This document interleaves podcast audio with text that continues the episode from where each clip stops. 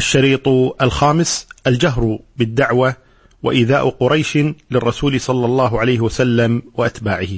ثم بعد ذلك أي بعد أن أسلم هؤلاء المسلمون الأوائل أيام تلك الدعوة أو بداية الدعوة للنبي صلى الله عليه وسلم أمر النبي صلى الله عليه وسلم بالجهر بالدعوة إلى الله تبارك وتعالى وذلك في قوله جل وعلا يا أيها المدثر قم فأنذر وربك فكبر وثيابك فطهر والرجز فاهجر ولا تمنن تستكثر ولربك فاصبر. وذلك أن الله تبارك وتعالى انتزعه من النوم والتدثر والدفء إلى الجهاد والكفاح والمشقة فقال يا أيها المدثر قم فأنذر. كأنه قيل له إن الذي يعيش لنفسه قد يعيش مستريحا وأما أنت الذي تحمل هذا العبء الكبير فما لك والنوم وما لك والراحة وما لك والفراش. الدافئ قم للأمر العظيم الذي ينتظرك والعبء الثقيل المهيئ لك قم للجهد والنصب والكد والتعب فقد مضى وقت النوم والراحة وما عاد منذ اليوم إلا السهر المتواصل والجهاد الطويل الشاق. قم فتهيأ لهذا الأمر واستعد. هكذا أمر الله تبارك وتعالى نبيه صلى الله عليه وسلم أن يقوم ويجهر بالدعوة إلى الله تبارك وتعالى. وقد روى لنا أبو هريرة رضي الله تبارك وتعالى عنه بداية دعوة النبي صلى الله عليه وسلم وجهره بها صلوات الله وسلامه عليه. قال أبو هريرة لما أنزلت هذه الآية وأنذر عشيرتك الأقربين. دعا رسول الله صلى الله عليه وسلم قريشا فاجتمعوا فعم وخص فقال يا بني كعب بن لؤي أنقذوا أنفسكم من النار يا بني مرة بن كعب أنقذوا أنفسكم من النار. يا بني عبد شمس أنقذوا أنفسكم من النار. يا بني عبد مناف أنقذوا أنفسكم من النار. يا بني هاشم أنقذوا أنفسكم من النار. يا بني عبد المطلب أنقذوا أنفسكم من النار. يا فاطمة أنقذي نفسك من النار. فإني لا أملك لكم من الله شيئا غير أن لكم رحما سأبلها ببلاها. رواه الإمام مسلم في صحيحه. وعن ابن عباس رضي الله عنهما قال لما نزلت هذه الآية وأنذر عشيرتك الأقربين. خرج رسول الله صلى الله عليه وسلم حتى صعد الصفا جبل الصفا. يقول فهتف يا صباحا. وهذه جملة كان يستعملها الناس في ذلك الوقت للمناداة. ينادون الناس اجتمعوا الأمر مهم. عندي كلام أريد أن أقوله وما شابه ذلك. فقال يا صباحا فقالوا من هذا الذي يهتف؟ قالوا محمد صلوات الله وسلامه يقول فاجتمعوا إليه. فقال يا بني فلان يا بني فلان يا بني فلان يا بني عبد مناف يا بني عبد المطلب. يقول فاجتمعوا إليه. فقال أرأيتكم لو أخبرتكم أن خيلا تخرج بسفح هذا الجبل أكنتم مصدقين؟ وفي رواية لو حدثتكم أن خلف هذا الوادي جيش مصبحكم أي سيدخل عليكم صباحا أكنتم مصدقين؟ والله لو قالوا له نصدقك لكفى. ولكن أبى الله تبارك وتعالى إلا أن يشهدوا بالحق. وإلا أن يقولوا الكلمة التي تكون شاهدة عليهم وعلى تكبرهم وعنادهم وإعراضهم عن الحق الذي عرفوه ماذا قالوا؟ قالوا ما جربنا عليك كذبا قط هكذا يشهد أهل مكة للنبي صلى الله عليه وآله وسلم على المشهور بعد ثلاث وأربعين سنة بأنهم ما جربوا عليه الكذب أبدا. ولذلك سيأتينا من قصة أبي سفيان لما يسأله هرقل وذلك في بداية السنة السابعة من الهجرة بعد صلح الحديبية يقول هل كان يكذب قبل أن يقول ما قال؟ فقال لا. هكذا هي صفة النبي صلى الله عليه وسلم لا يكذب أبدا صلوات الله وسلامه عليه. فقالوا ما جربنا عليك كذبا قط. فقال إني نذير لكم بين يدي عذاب شديد. صلوات الله وسلامه عليه. فقام عم النبي صلى الله عليه وآله وسلم أبو لهب فقال تبا لك أما جمعتنا إلا لهذا؟ ثم قام.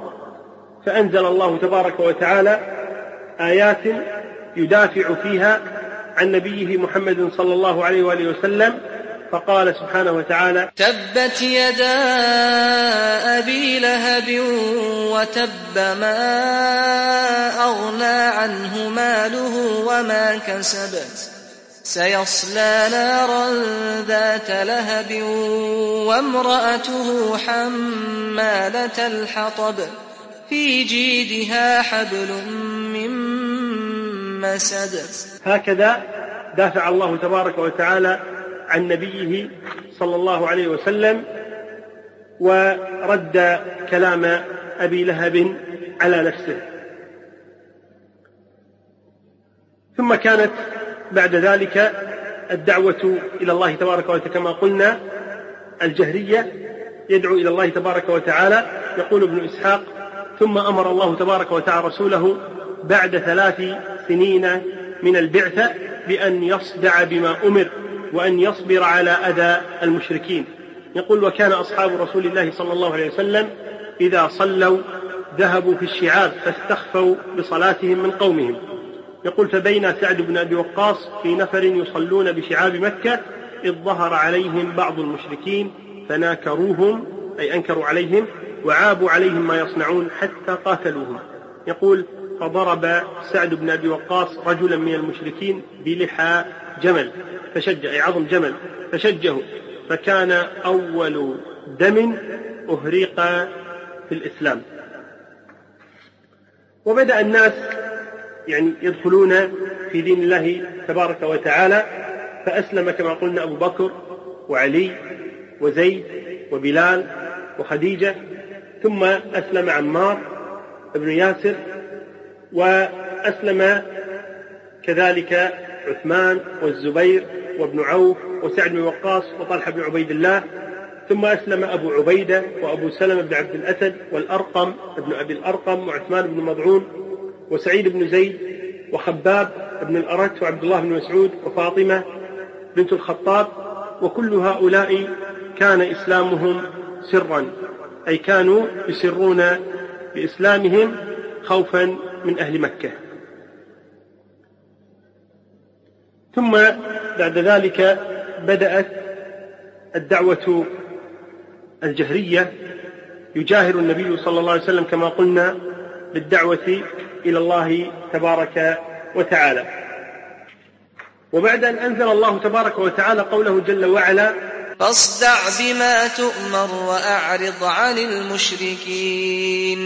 قام رسول الله صلى الله عليه وسلم يعكر على خرافات الشرك وترهاته ويذكر حقائق الأصنام وحقائق عبادتها وأنها لا تستحق العبادة ولا تستحق أن يسجد لها وأن تعبد من دون الله تبارك وتعالى وبدأ يسفه الأحلام ويبين الضلال صلوات الله وسلامه عليه.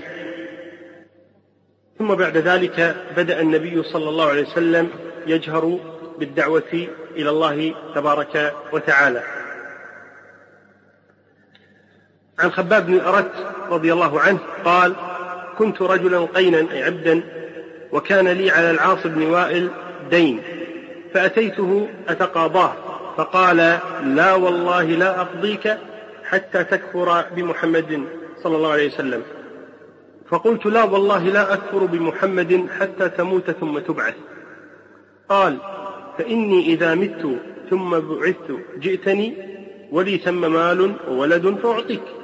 فأنزل الله تبارك وتعالى أفرأيت الذي كفر بآياتنا وقال لأوتين مالا وولدا؟ أطلع الغيب أم اتخذ عند الرحمن عهدا؟ كلا سنكتب ما يقول ونمد له من العذاب مدا. إلى قوله تبارك وتعالى ويأتينا فردا. أخرجه البخاري ومسلم في صحيحيهما. وعن خباب قال أتيت النبي صلى الله عليه وسلم وهو متوسد ببردة وهو في ظل الكعبة. أي مستند على بردة وهي العباءة يقول وهو في ظل الكعبة وقد لقينا من المشركين شدة. فقلت ألا تدعو الله؟ فقعد وهو محمر الوجه فقال قد كان من كان قبلكم ليمشط بأمشاط الحديد.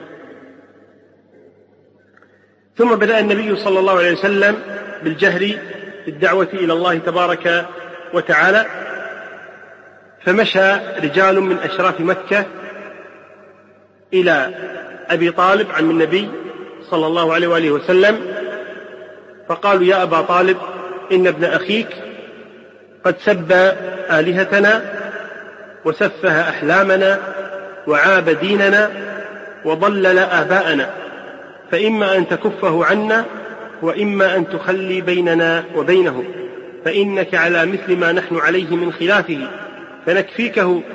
فقال لهم أبو طالب قولا رقيقا وردهم ردا جميلا فانصرفوا عنه. ومضى أبو طالب إلى النبي صلى الله عليه وسلم يكلمه وينصحه واستمر النبي صلى الله عليه وسلم على ما هو عليه صلوات الله وسلامه عليه. وقد جابه أهل مكة دعوة النبي صلى الله عليه وسلم وذلك أنه قد قرب موسم الحج والحجاج سيأتون إلى بيت الله تبارك وتعالى ولا شك أن النبي صلى الله عليه وسلم سيجدها فرصة سانحة للدعوة إلى الله تبارك وتعالى. فاجتمع كفار مكة وكبراؤها إلى الوليد بن المغيرة. وقالوا ما نقول إذا جاء الناس؟ فقال لهم الوليد أجمعوا فيه رأيا واحدا ولا تختلفوا فيكذب بعضكم بعضا ويرد قولكم بعضه بعضا.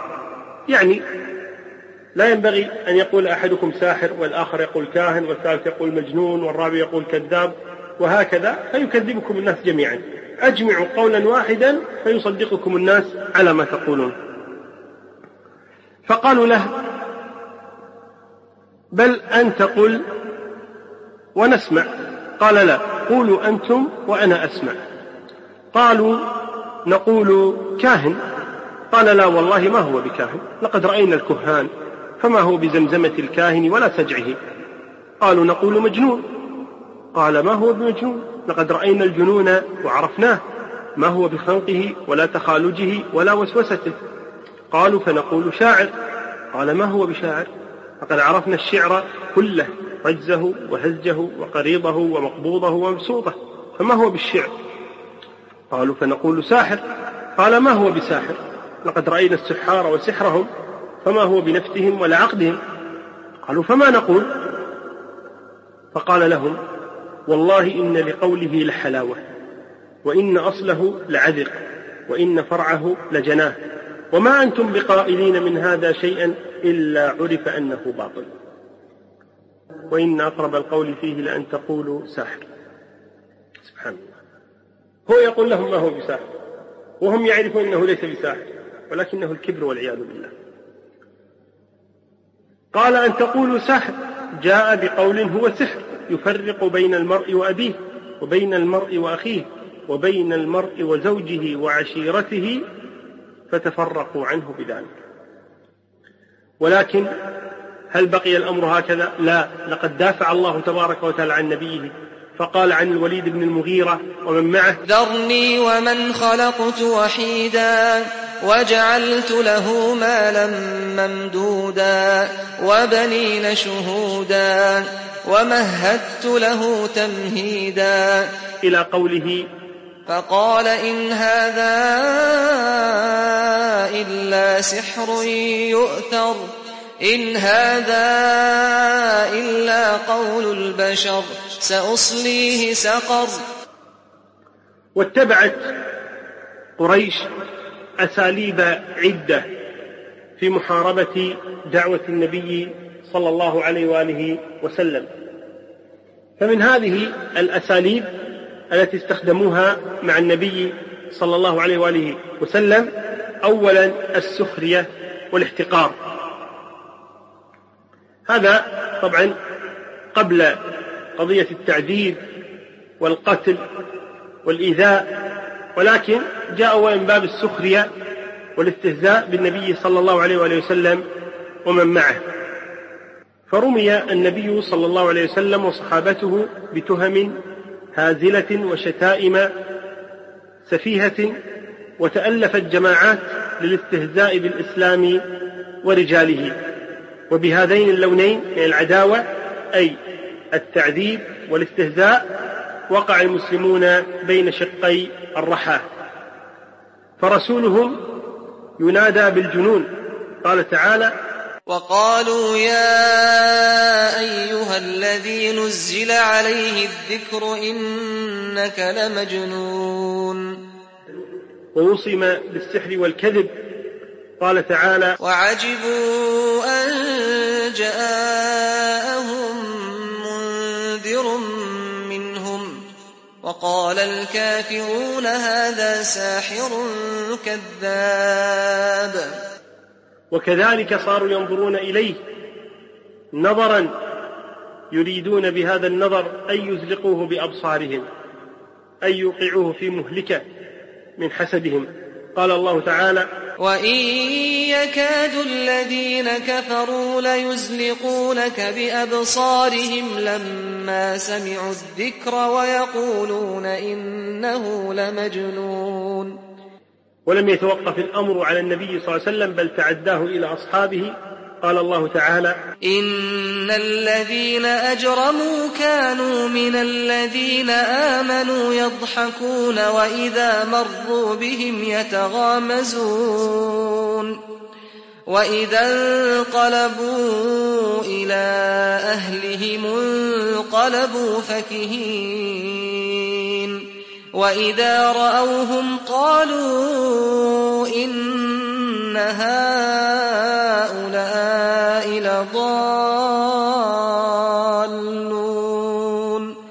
وما أرسلوا عليهم حافظين فاليوم الذين آمنوا من الكفار يضحكون هكذا كان الاستهزاء وكان التعذيب وقالوا كذلك وقالوا أساطير الأولين اكتتبها فهي تملى عليه بكرة وأصيلا.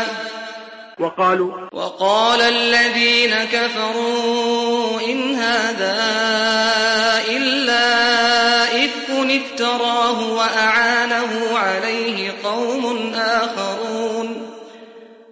فقد جاءوا ظلما وزورا. وأرادوا لجهلهم أن يعارضوا القرآن الكريم بأساطير الأولين. وذلك أن النبي صلى الله عليه وسلم كان إذا حدث الناس ودعاهم إلى الله تبارك وتعالى وقرأ عليهم القرآن ثم قام جاء النضر بن الحارث فجلس مجلس النبي صلى الله عليه وسلم ثم يقول والله ما محمد بأحسن حديثا مني. ثم يحدثهم عن ملوك فارس ورستم. ثم يقول بماذا محمد أحسن حديثا مني؟ ثم كذلك حاولوا المساومة كما قال الله تبارك وتعالى فلا تطع المكذبين. ودوا لو تدهن فيدهنون. ثم نذكر بعض الإيذاء والاضطهاد الذي وقع للنبي صلى الله عليه وسلم وأصحابه رضي الله تبارك وتعالى عنهم. فأول هذا الإيذاء ما وقع من أبي لهب قبحه الله وذلك أنه قد زوج ولديه عتبة وعتيبة من بنتي النبي صلى الله عليه وسلم رقية وأم كلثوم قبل البعثة. فلما بعث النبي صلى الله عليه وسلم ودعا إلى الله تبارك وتعالى وجهر بالدعوة أمر أبو لهب ولديه أن يطلقا بنتي النبي صلى الله عليه وسلم فطلقاهما. وكانت امرأة أبي لهب أم جميل أروى بنت حرب لا تقل عن زوجها في عداوة النبي صلى الله عليه وسلم.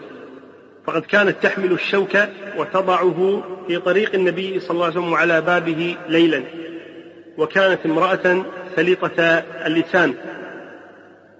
ولما سمعت ما نزل فيها وفي زوجها من القرآن بسم الله الرحمن الرحيم. تبت يدا أبي لهب وتب ما أغنى عنه ماله وما كسب.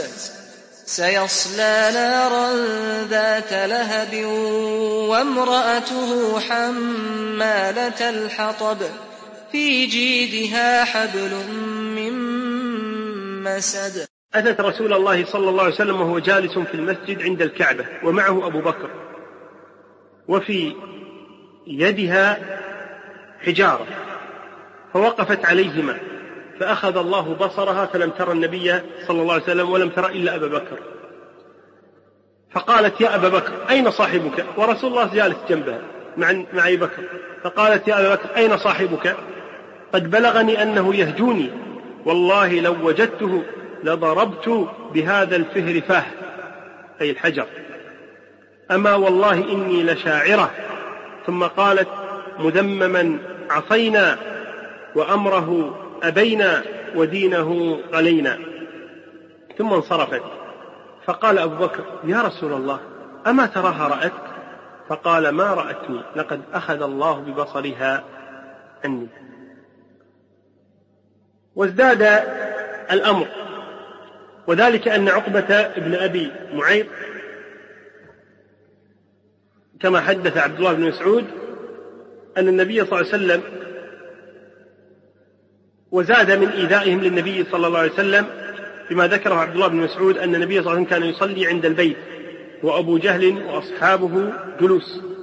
إذ قال بعضهم لبعض أيكم يأتي يأتي بسلى جزور بني فلان؟ فيضعه على ظهر محمد إذا سجد. سلى الجزور هو بيت الولد أو المكان الذي يكون فيه الولد هو المشيمة بالنسبة للإنسان ولكنه بالنسبة للناقة هنا.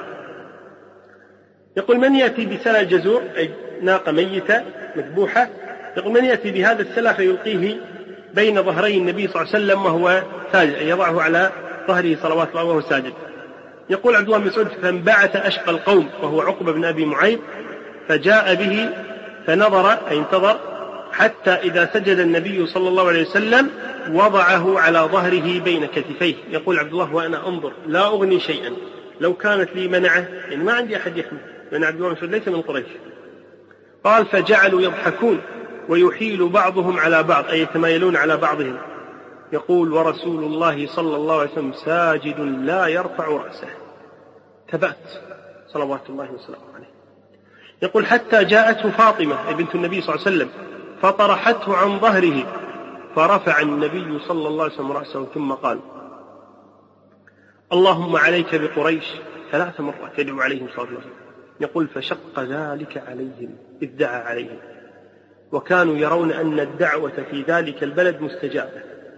كيف هم يعلمون أن النبي صادق؟ ويعلمون أنه نبي حقا صلوات الله وسلامه عليه كما قال الله تبارك وتعالى قد نعلم إنه ليحزنك الذي يقولون فإنهم لا يكذبونك ولكن الظالمين بآيات الله يجحدون. يقول ثم قال اللهم عليك بأبي جهل اللهم عليك بعتبة بن ربيعة وشيبة بن ربيعة والوليد بن عتبة وأمية بن خلف وعقبة بن أبي معيط وعد السابع يقول الله فلم أحفظه. هو الذي نفسي بيده. لقد رأيت الذي عد رسول الله صلى الله عليه وسلم صرعى في القليب قليب بدر. أي في معركة بدر كلهم قد صرعوا.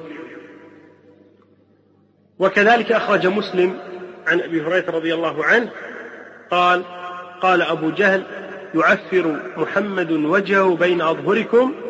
فقيل نعم يعني يسجد بين أظهركم وأنتم سكوت؟ قالوا نعم. قال واللات والعزى. لئن رأيته لأطأن على رقبته ولأعفرن وجهه يعني أجعل وجهه في التراب. يقول فأتى أبو جهل رسول الله صلى الله عليه وسلم وهو يصلي يقول زعم ليطأ رقبته. يقول فما فجأهم إلا وهو ينكص على عقبيه ويتقي في يديه. أبو جهل ذهب ليضع قدمه على رأس النبي وهو ساجد بمجرد أن اقترب من النبي صلى الله عليه وسلم أدار ظهره وأعطى النبي ظهره وصار يجري ويرفع يديه يتقي أي يدفع عن نفسه. فقال له الناس ما لك يا أبا الحكم؟ ما الذي حدث؟ أبو جهل كان يكنى بأبي الحكم لما يرون من رجاحة عقله. قالوا ما لك يا أبا الحكم؟ قال إن بيني وبينه لخندقا من نار وهؤلاء أجنحة وأرى أجنحة. يقول عبد الله بن مسعود فقال يقول أبو هريرة فقال الرسول صلى الله عليه وسلم لو دنا مني لاختطفته الملائكة عضوا عضوا.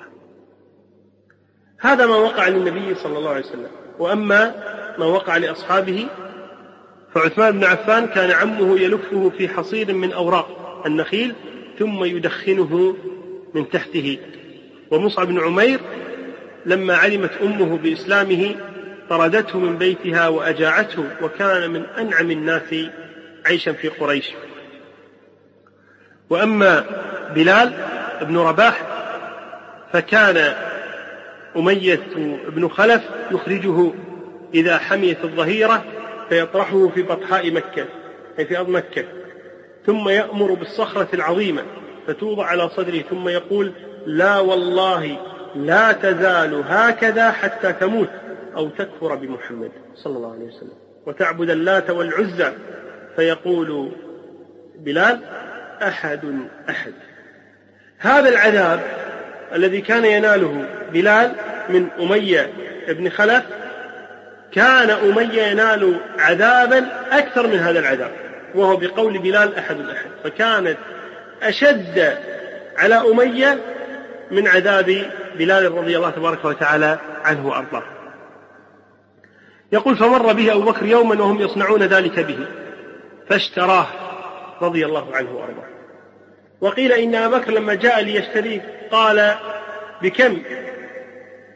قال تبيعونه بكم؟ قالوا قل أنت. قال تبيعونه بخمسمائة؟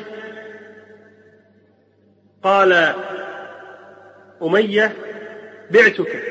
فاشتراه أبو بكر. فقال أمية كأنه يقول لأبي بكر قد غبنت أو هذا العبد ما يستحق هذا المال الذي دفعت. فقال له أمية لو دفعت أقل من هذا لا أعطيناك يعني بعناك بلال بأقل من هذا السعر. فقال أبو بكر يظهر قيمة بلال عند الله تبارك وتعالى فقال لو طلبت أكثر من هذا لدفعت. وكذلك وقع العذاب على عمار بن ياسر وأمه وأبيه.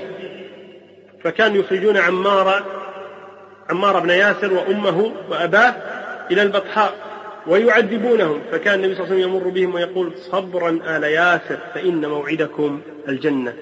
فمات ياسر وماتت سمية أم عمار في العذاب وهي كما يقال أول شهيدة في الإسلام. وبلغ الاضطهاد أشده حتى أن خباب بن الأرت يقول أتيت النبي صلى الله عليه وسلم وهو متوسل ببردة في ظل الكعبة أي مستند على عباءة في ظل الكعبة وقد لقينا من المشركين شدة. فقلت ألا تدعو الله؟ فقعد وهو محمر وجهه فقال قد كان من كان قبلكم ليمشط بأمشاط الحديد ما دون عظامه من لحم وعظم وعصب ما يصرفه ذلك عن دينه ويوضع المنشار على مفرق رأسه فيشق باثنتين ما يصرفه ذلك عن دينه. وليتمن الله هذا الأمر حتى يسير الراكب من صنعاء إلى حضرموت ما يخاف إلا الله عز وجل والذئب على غنمه ولكنكم تستعجلون. رواه الإمام البخاري في صحيحه. ومع هذه الاضطهادات كلها كان الله تبارك وتعالى مع أوليائه سبحانه وتعالى كما قال إن الله يدافع عن الذين آمنوا.